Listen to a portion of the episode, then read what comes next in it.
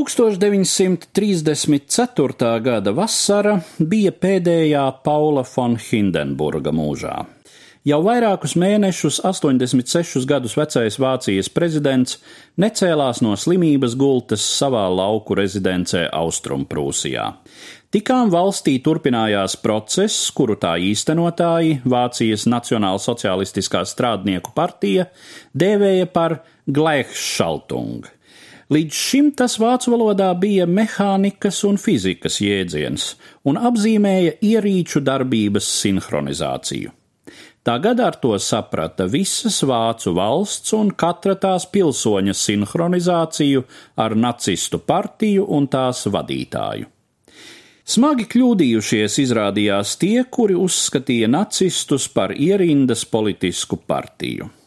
Jau 1933. gada februārī pēc dīvainā Reichstāga ugunsgrēka prezidents Hindenburgs pēc kanclera Hitlera pieprasījuma izdeva tā dēvēto Reichstāga ugunsgrēka dekrētu, kurš laupīja vāciešiem vairumu viņu demokrātisko tiesību un ievadīja plašas represijas pret komunistiem un sociāldemokrātiem.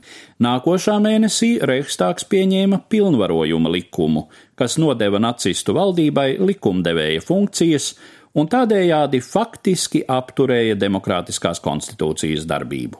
Cita pēc citas tika likvidētas politiskās partijas un no nacistiem neatkarīgās arotbiedrības, aizliegta jaunu partiju dibināšana, 1934. gada sākumā tika likvidēta Vācijas federālā struktūra, pārveidojot to centralizētā valstī. Visbeidzot, 1934. gada vasarā Hitlers ķērās pie potenciālās opozīcijas iznīcināšanas pašā nacistu kustībā un starp līdzšinējiem sabiedrotajiem.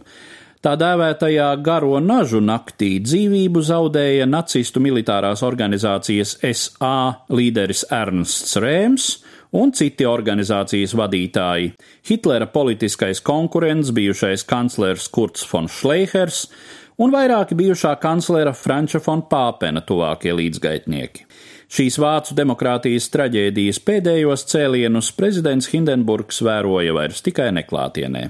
1934. gada 2. augusta rītā Sirmais feldmaršals beidza savas šīs zemes gaitas, un jau tai pašā dienā valdība izdeva likumu, kas paredzēja valsts prezidenta amata apvienošanu ar valsts kanclera amatu, nododot šīs pilnvaras, kā bija teikts likumā, vadonim un reichskancleram Adolfam Hitleram. Šis lēmums likvidēja pēdējo Veimāras konstitūcijas reliktu - Vācijas valsts prezidenta posteni.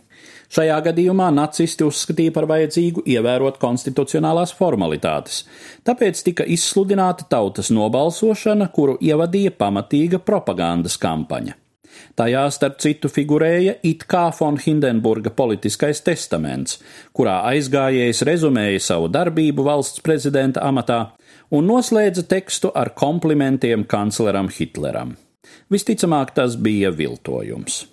1934. gada 19. augustā vācu tauta devās pie balsošanas urnām un ar zīmīgu rezultātu 89,9% par apstiprināja šo valdības lēmumu.